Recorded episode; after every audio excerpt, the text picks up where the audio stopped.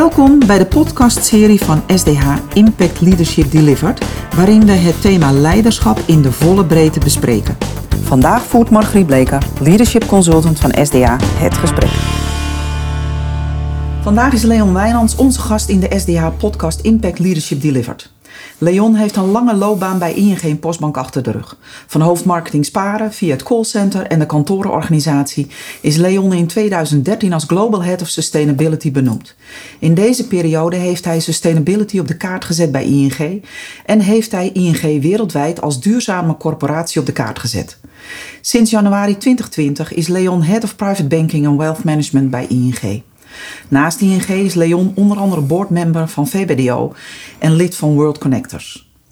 Leon en ik hebben als collega's samengewerkt in verschillende transitieprogramma's bij Postbank en ING.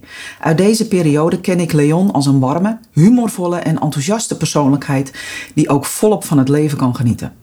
Leon, van harte welkom. Nou, Ontzettend fijn om je na al die jaren weer uh, met jou aan tafel te zitten.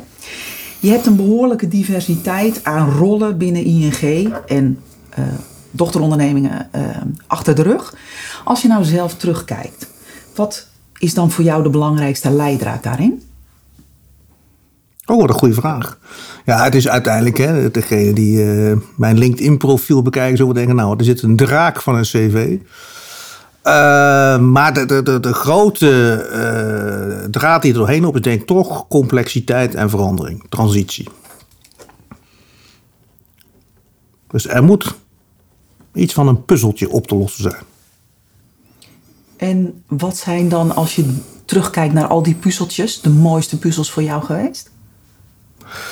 Ja, dat, het, is, het, is, het, het, voelt toch een beetje als uit je kinderen kiezen wie je meest favoriete kind is. Hè? Deze, deze, deze vraag. En uh, dat, is, dat is dan vaak een onmogelijke vraag om te beantwoorden, omdat ieder, iedere klus of baan die je, die je gedaan hebt, ja, die heeft gewoon haar eigen dimensies.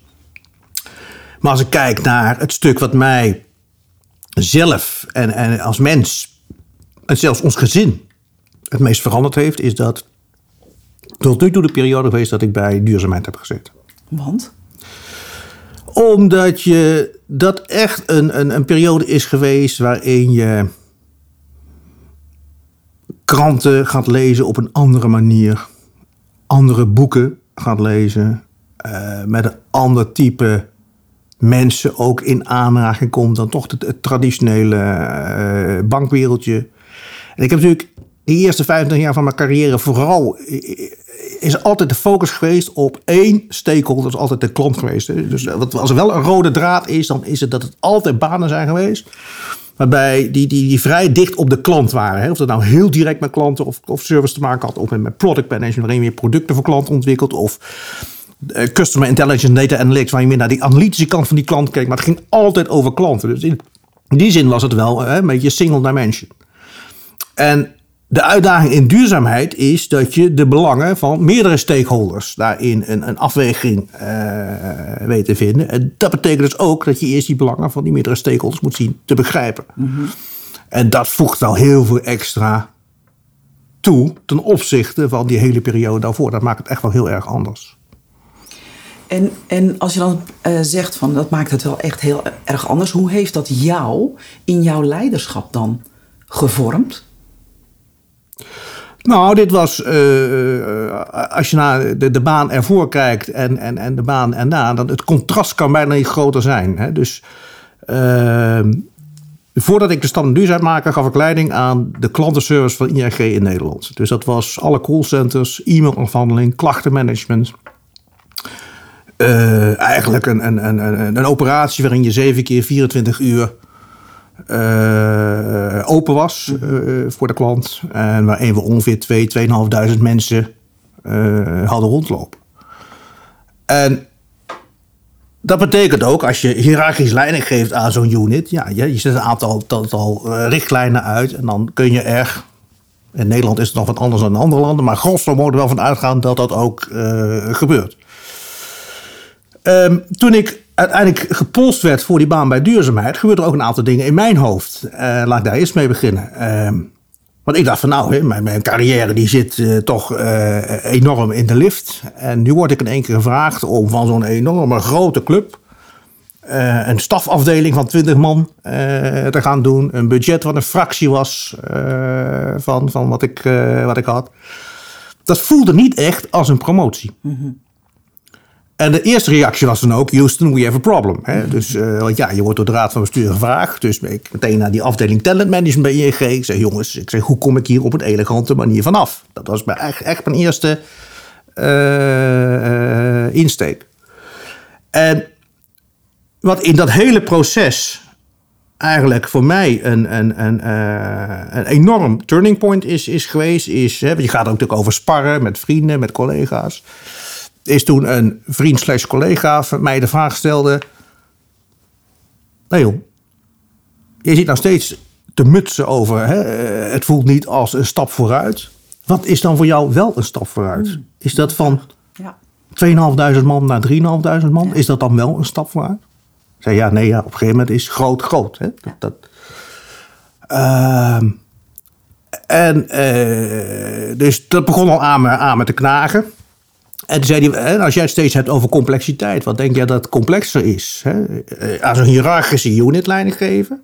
Of functioneel iets op de kaart zetten in een bedrijf wat er nog niet is, in 44 verschillende landen en bij 50.000 medewerkers vanuit geen hiërarchische zeggenschap. En als je het hebt over briljante coachingsvragen, dan zijn dat wel coachingsvragen geweest die voor mij het verschil hebben gemaakt dat ik uiteindelijk in een proces ik inging, hoe kom ik hier op een elegante manier van af? Ik op die vrijdag waarop ik gebeld zou worden of ik het wel of niet zou worden, als een klein kind bij na de middelbare school om een diploma, hè, zo, zo voelde dat, zat te wachten op het telefoontje, je hebt de baan of niet.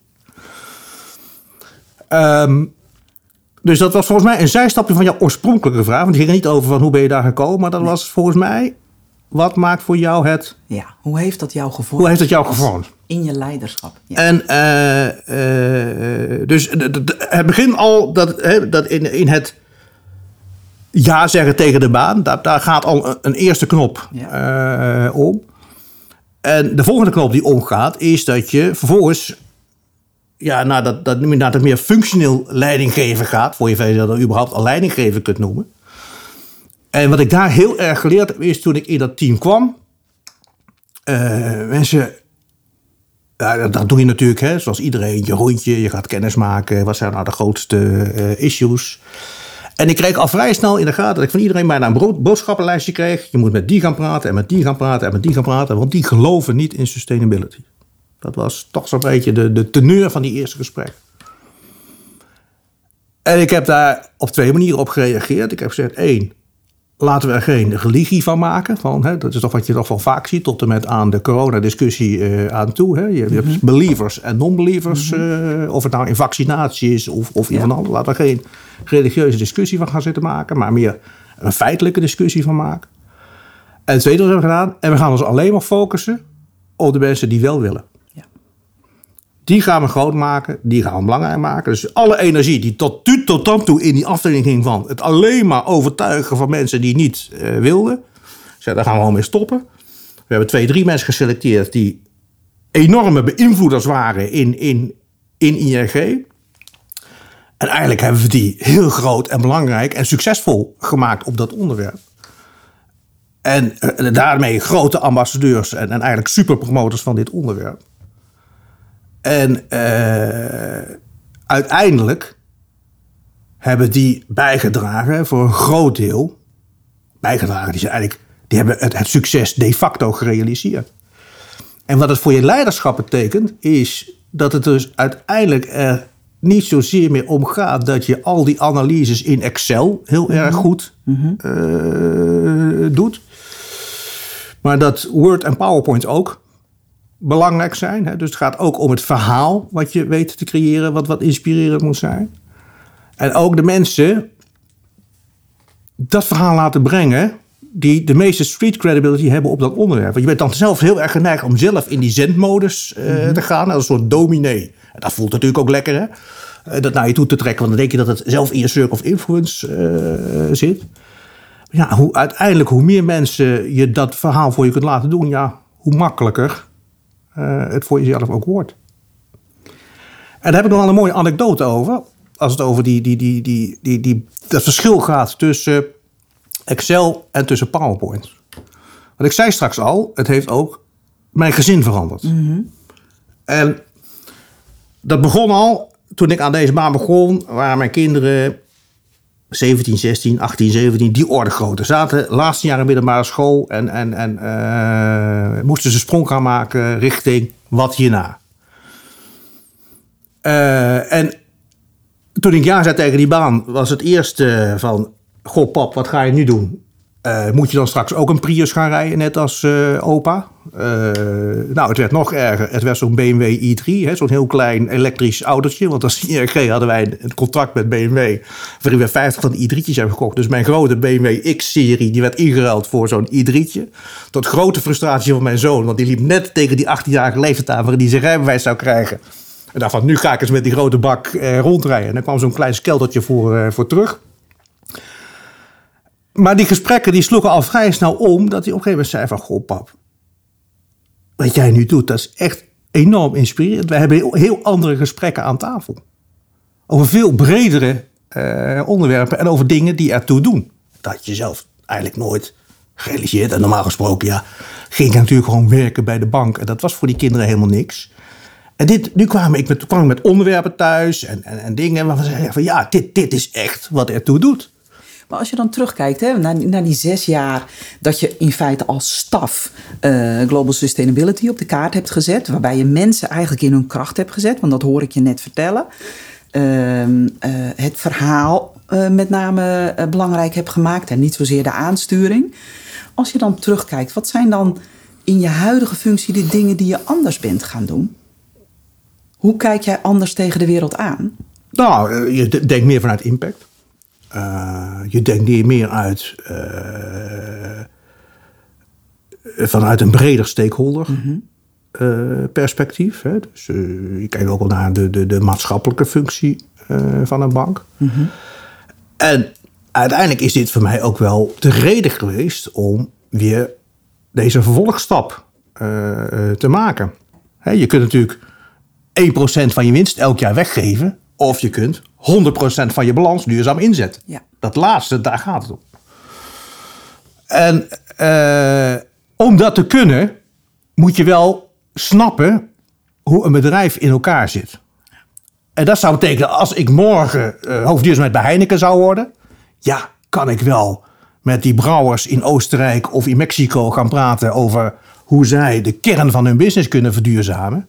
Ja, is toch wel prettig als je verstand van bier hebt. Nou heb ik wel verstand van bier, maar aan de verkeerde kant van de bar. En vandaar dat ik dacht van ja, dat, dat is uh, misschien toch niet de stap die ik dan moet zetten. En dan zou hetzelfde kunstje nog een keer doen bij een andere bank. Dat zou dan toch wel als een kunstje voelen. En dan denk ik, toen vond ik de uitdaging. Als je zelf zo gelooft in integratie, dat het integrerend onderdeel moet zijn, dan is dus de uitdaging die je dan en ook de kans die dan uiteindelijk krijgt, hè, want daar ben ik ING ook dankbaar voor. Om datzelfde te gaan doen bij een private bank. Hoe kan ik nu ervoor zorgen dat dat duurzamer wordt? En dat we naast de lending portefeuille ook de beleggingen van onze klanten duurzamer krijgen. Waarbij we niet alleen de maatschappij future-proof maken. Niet alleen ING future-proof maken. Maar vooral ook de klanten future-proof uh, maken. Ja, dat vond ik een opnieuw een e- enorme leuke puzzel om het tanden in te gaan zetten. En, en uh, ja, daar, ben ik nu vol energie elke dag uh, mee aan de slag. Leon, jij noemt de term integrale duurzaamheid. Uh, waar wij enorm benieuwd naar zijn, is hoe jij dat voor elkaar hebt gekregen. Dus niet zozeer qua techniek of qua project, maar hoe heb jij dat als mens voor elkaar gekregen in de organisatie?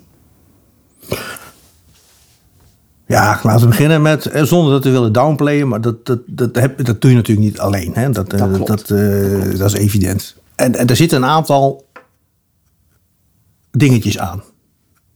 Brokjes. Je hebt een, uh, het eerste brokje is dat je, dat je iets van een punt op de horizon nodig hebt wat je zou willen bereiken. Mm -hmm. Dat hadden we vrij snel te pakken. Dat was natuurlijk de klimaatdoelstelling van Parijs. Die hebben we als leidraad genomen.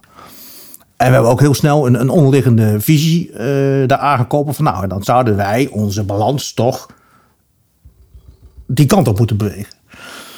Nou, dat betekent dus dat, dat je volgens aandenken, nou één, dan heb je dus een methodiek nodig om die metingen te kunnen doen. En het tweede is, dan heb je dus in die methodiek partijen nodig binnen ING die met je meegaan om uh, A, de data te leveren, B, zich aan die ambitie te verbinden en, en C, ook nog eens die transitie te willen maken. Als ik eerst naar dat eerste ga, uh, kijk, in je eentje uh, een methodiek gaan zitten ontwikkelen, dat is heel erg lastig. Dus we hebben partnerships gezocht. Dus we zijn gaan kijken in de markt wie is hier al mee bezig. En we hebben vooral ook een partnership willen zoeken met een, een, een NGO. Want kijk, laten we ook eerlijk zijn. We hebben ook de reputatie van ING op, op dat gebied is natuurlijk niet zo dat we zeggen, nou, nou hebben we wat. Dus een, third party die kritisch is een luizende pels, uh, maar ook science-based. Er zaten ook universiteiten achter. Waardoor je dus een geloofwaardige methodologie hebt, zowel intern als extern. Dat was een startpunt. En een tweede is dat we ook al heel vroeg een eerste groep banken bij elkaar hebben verzameld om met ons collectief aan die methodologie te werken. En dat, die tweede stap was ook heel erg belangrijk om intern uh, mensen mee te krijgen. Maar je kunt je voorstellen dat commerciële jongens in wholesale banking. Als daar zo'n idealist komt in zijn kooltruitje om te zeggen: Nou, uh, we hebben een briljant uh, plan. Die kan toch zeggen: Maar mijn concurrenten dan? En als wij gaan zeggen: ja, En wij gaan dat met de, de vijf of de vijftien grootste partijen in de markt. gaan we dat doen?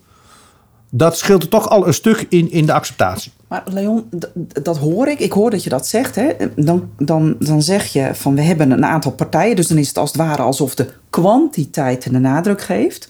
Maar wat in jouw verhaal en in jouw overtuigingskracht heeft het verschil gemaakt?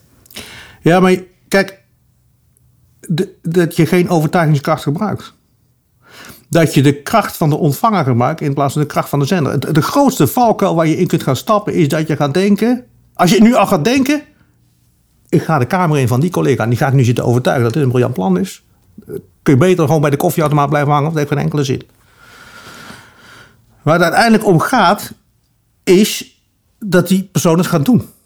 Dat is waar het om gaat. Het gaat niet om dat jij hem overtuigt, het gaat om dat hij het gaat doen.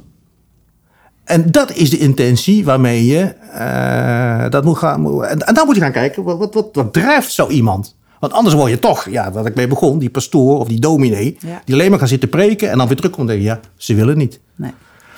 Maar je moet gaan denken, wat triggert die persoon nou? En, en waarom, wat zou er dan reden zijn? Waarom, en hoe haal je bepaalde drempeltjes weg? Drempeltje, de anderen doen het ook niet. Haal je voor ze weg. Het drempeltje, het is heel veel werk, haal je voor ze weg. Want uiteindelijk is iedereen best natuurlijk wel intrinsiek gemotiveerd. Iedereen heeft kinderen, et cetera, et cetera, om iets aan dit onderwerp uh, te doen. Maar een olifant eet je wel in plakjes. Ja. En voor heel veel mensen is dit wel een enorme olifant. Ja. En dit in plakjes uh, serveren, zonder dat mensen het gevoel hebben dat je iets van ze afpakt. oh, daar komen die gasten van sustainability, die proberen alleen mijn business af te pakken. These are the guys that try to shrink my business. Dat is echt letterlijk wat ze zeggen in onze banking. Nou, These are the guys that are trying to come to push your business. Ja. En wij komen nieuwe opportunities voor jullie zoeken. Want weet je dat hier een enorme groeimarkt uh, ligt die je kunt uh, bereiken. Dus er een positief verhaal van maken. Hè? We gaan transitie financieren in plaats van we gaan stoppen in bepaalde sectoren. En als je, als je snapt, snapt wat mensen beweegt, dan heb je ook geen overtuigingskracht meer nodig. Dus echt het vooruitzien. Dus, ja, dus judoën. En, waar ben je dan het meest trots op? Wat zijn nou de dingen die er voor jou uitspringen? Ja, het meest trots is natuurlijk toch uiteindelijk erkenning die je krijgt. Ik zeg nu natuurlijk, maar voor mij erkenning die je krijgt voor wat je doet. En dat was uh, in mijn vorige rol uh, is dat natuurlijk als je, door een aantal externe serieuze partijen gezien wordt als, als een van de meest duurzame internationale spelers.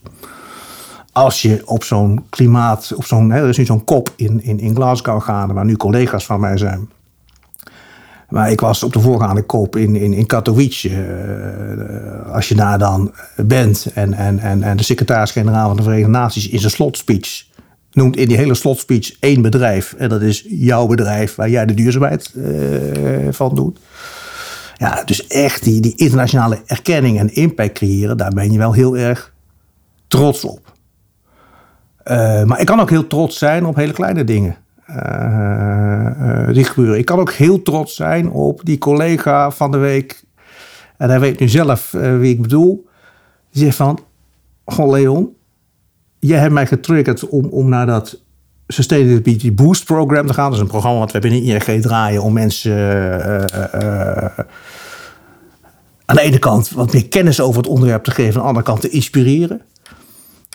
En zegt: eh, ik, ik ga nu met dit onderwerp aan de slag. Dit gaat mijn baan ook heel veel leuker maken. Weet je, daar kan ik ook heel trots op zijn. Dus trots kan zitten in heel grote dingetjes, kan ook zitten in heel kleine, kleine dingetjes.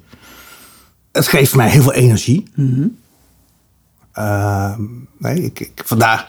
Kijk, ik, ik, ik begon er straks over. We gaan alleen maar praten met de mensen die er wel uh, mee willen en niet mee willen. Ja, weet je, het maakt je werk ook gewoon heel veel leuker. Mm.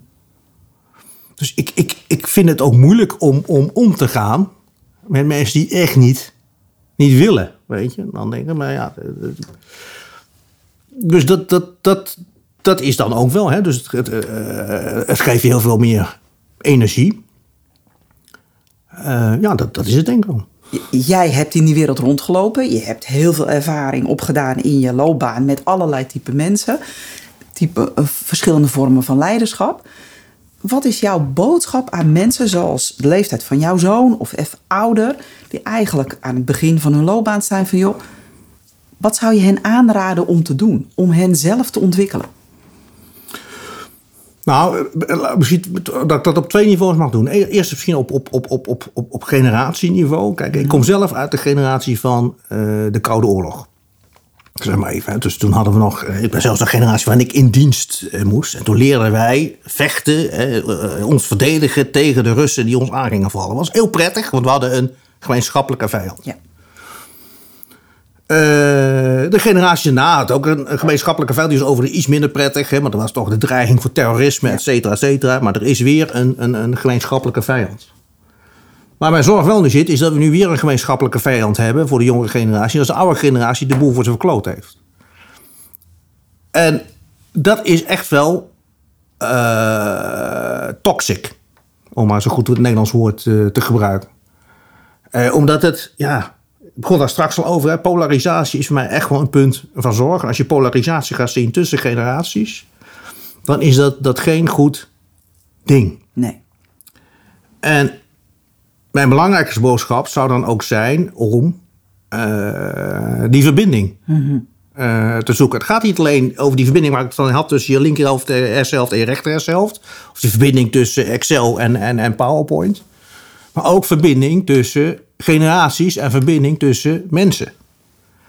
Omdat dat de enige manier is om stappen te kunnen zetten. En natuurlijk moet je je af en toe afzetten. Dat, dat, dat heeft een functie. Hè? Het heeft een functie dat pubers zich afzetten tegen hun ouders op een bepaalde leeftijd. Uh, alleen van blijven afzetten, daar is nooit iemand beter van geworden. En uh, ik denk van, van uiteindelijk die verbinding zoeken, ja, dat zou toch wel mijn belangrijkste advies zijn. Daarvan wel. Dat, ik denk dat dat ook de winnaars, winnaars van morgen zijn. Hmm. En, en waar zie je dat nu het meest of juist het meest niet? Als je uiteindelijk toch die impact wil realiseren, ja, dan zul je toch ook die verbinding moeten zoeken. En dat is ook hoe ik bijvoorbeeld naar duurzaamheidsonderwerp kijk. Weet je, daar, daar moet je denken vanuit transitie. En als bank hebben we natuurlijk ook heel vaak gehad van ja, je moet stoppen met dat financieren, stop met dat financieren, stop met dat financieren. Maar stel dat Nederland een heel eenvoudig land is waar we alleen maar boterhammen met ham eten. Ja. Dat betekent dat we slagers hebben en we hebben bakkers. Ja. En dan gaan we zeggen, nou, en degene die de meeste CO2-uitstoot veroorzaken, die gaan we dus stoppen met financieren. Dan stoppen we met het financieren van de bakkers, want die hebben ovens om dat brood te moeten bakken. Die slager heeft alleen een mes. Dan eindig je met een maatschappij waarin je alleen nog maar ham hebt en geen brood meer. En wie heeft het dan gewonnen?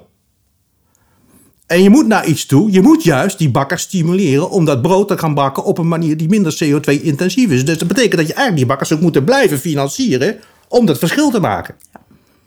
Dus het stoppen van het financieren van een autobedrijf, omdat de automobielindustrie CO2 uitstoot, ja, dat is wel goed voor misschien voor je persoonlijke nachtrust, maar de wereld wordt er geen centimeter beter van. Je moet juist op zoek naar die autobedrijven die die transitie willen maken. En dan financier je in een sector die nu inderdaad CO2-intensief is, Ja. vanuit de intentie om die transitie te maken. Meten, helpen, En ondersteunen. dan moet je mee te helpen Ja. ondersteunen en verbinding zoeken Ja. in plaats van afzetten en, en uitsluiten. En als je dat zo zegt, hè, dat vooral die transitie, dus het in verbinding blijven met, ook met polariserende partijen in gesprek blijven, waar zie jij dan jouw rol naar de toekomst toe? Als ik opa ben of... eh, Nou, van mij part vanaf morgen, maar ik denk dat je hem vanaf gisteren al invult, maar dat hoor ik graag van jou. Ja, ik, eh, ik probeer heel erg in, in die verbinding en in die transitie eh, te denken. Omdat je daarmee, denk ik, ook, ook een onderwerp als duurzaamheid acceptabeler maakt voor mensen. Kijk nu naar, hè, de, de corona-aanpak. Ehm, Mensen vinden het moeilijk om, om dingen nu in te leveren eh, voor eh, beter straks. Hè? Dus als je, dat, is, eigenlijk heb je, heb je in- duurzaamheid twee enorm lastige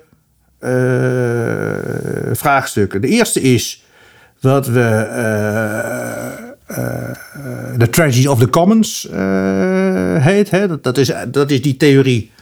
eh, eh, ik doe iets wat beter is voor de gemeenschap, maar uiteindelijk eh, hè, dus iedereen profiteert ervan. Het gaat over ik en over de ander eigenlijk. Ja. Hè? Dus eh, ik moet nu iets laten, zodat de totale groep daar beter Ja. eh, Van wordt. van wordt. Dat, dat is al eh, heel erg lastig. Hè? Want uiteindelijk is het meest ideale model. Iedereen. Dus wij zitten hier met, met voor de luisteraars, we zitten hier met drieën aan tafel. Jullie tweeën gaan lekker duurzaam leven. En ik kan blijven doen wat ik doe. Dan, dan is dat het ideale voor mij, het meest ideale model. Ja. En het tweede is, daar komt nog een dimensie bij in duurzaamheid. Dat gaat niet alleen over ik en de ander, maar het gaat ook over nu en later. Ja. Dus ik moet nu iets doen of laten, wat pas later rend- rendement oplevert. Nou, als bank weten we heel, heel goed hè, dat, dat mensen op 25 jaar leeftijd laten nadenken over een pensioen, dat dat een verschrikkelijke opgave is. Dat is eh, eh, het boek van Kahneman, die is daar natuurlijk groot mee geworden met die hele theorie van één marshmallow nu of twee over een uur. Ja. De meeste kinderen kiezen toch voor één marshmallow nu. En in duurzaamheid komen eigenlijk die twee dimensies bij elkaar. Het gaat over een, iets wat jij nu doet, waar je later voor profijt van hebt. En eigenlijk hebben daar anderen nog meer profijt van dan alleen jijzelf. En dat betekent dus, en vandaar dat terug naar brengen naar die, die, die, die, die, die verbinding en die transitie, maar dat ook ja, zo behapbaar maken voor mensen dat dat, dat nog. ehm, dat dat nog voelt als, als kleine stapjes die ze moeten zetten of kleine dingetjes die ze moeten laten. En niet als afpakken. Hè, Heel veel dingen die worden nu vertaald in afpakken. Ze pakken Sinterklaas af. Ze pakken mijn vrijheid af. Ja. En dat moet het niet zijn. En daar zie jij vooral, ook nu in je huidige omgeving, een belangrijke rol voor jezelf. Ja. Heb je nog dromen op dat gebied? Nou, ik zou wel liedgitarist van de Rolling Stones willen worden. Maar je moet ook weten waar je, waar je, waar je, grenzen zijn. Ja. Nee, heb je Ja. Mick Jagger niet gebeld? Nee, nee, mij, mij ook niet trouwens. Nee. Ik heb ook zijn nummer niet. Oké. Maar nog iets anders in die zin wat enigszins realistischer is? Eh, nee, mijn, mijn, mijn volgende droom is eh, dat wij eh, binnen de private bank van ING eh, onze klanten future-proof kunnen maken. Hè, waarbij ze niet alleen eh, hun vermogen op een goede manier eh, in stand kunnen houden. Maar dat ook kunnen doen vanuit... Kijk, jij vraagt maar aan mij ook van... Hè, wat wil je nalaten? Dat is ook precies de vraag die wij onze klanten stellen. Eh, wat wil je nog nalaten? Hè, wij willen veel meer gaan denken vanuit wat wij noemen een, een, een holistische gedachte. Ik heb afgelopen weekend heb ik eens, moet je eens doen, door die, door die rouwadvertenties zitten bladeren in de klant. Een beetje een macabere sport misschien, maar daar heb ik dus doorheen zitten bladeren. Daar stonden er 25, 30. Er was niet één rouwadvertentie waar stond. We nemen afscheid van Leon Wijnals en hij maakt een return op zijn vermogen van 17%. Niet één. Niet één. Gelukkig. En dat is toch waar we heel, elke dag met onze klanten dan over vinden dat we over moeten praten. Dat is toch raar. Ja. Terwijl als je met je klant het gesprek kunt aangaan over wat wil je nou nalaten? En dat is dan vaak een combinatie van financiële return, maar ook impact return, eh, een transitie naar een andere generatie, misschien wel een transitie naar een stukje van de maatschappij. Eh, dan krijg je ook een veel breder perspectief. Ja. En ook een veel interessanter gesprek, een leukere relatie, meer verbinding, meer transitie. Word gewoon beter van. Dankjewel. Maar zit een antwoord op je vraag? Ja, dat was een heel mooi antwoord op mijn vraag. Dankjewel voor het luisteren naar de podcast van SDH Impact Leadership Delivered, waarin we het thema leiderschap in de volle breedte bespreken. Vergeet niet een review achter te laten en je kunt je natuurlijk ook abonneren op onze podcastserie. Wil je meer informatie? Kijk dan op onze website sdh.nl en volg ons op LinkedIn. Tot de volgende keer.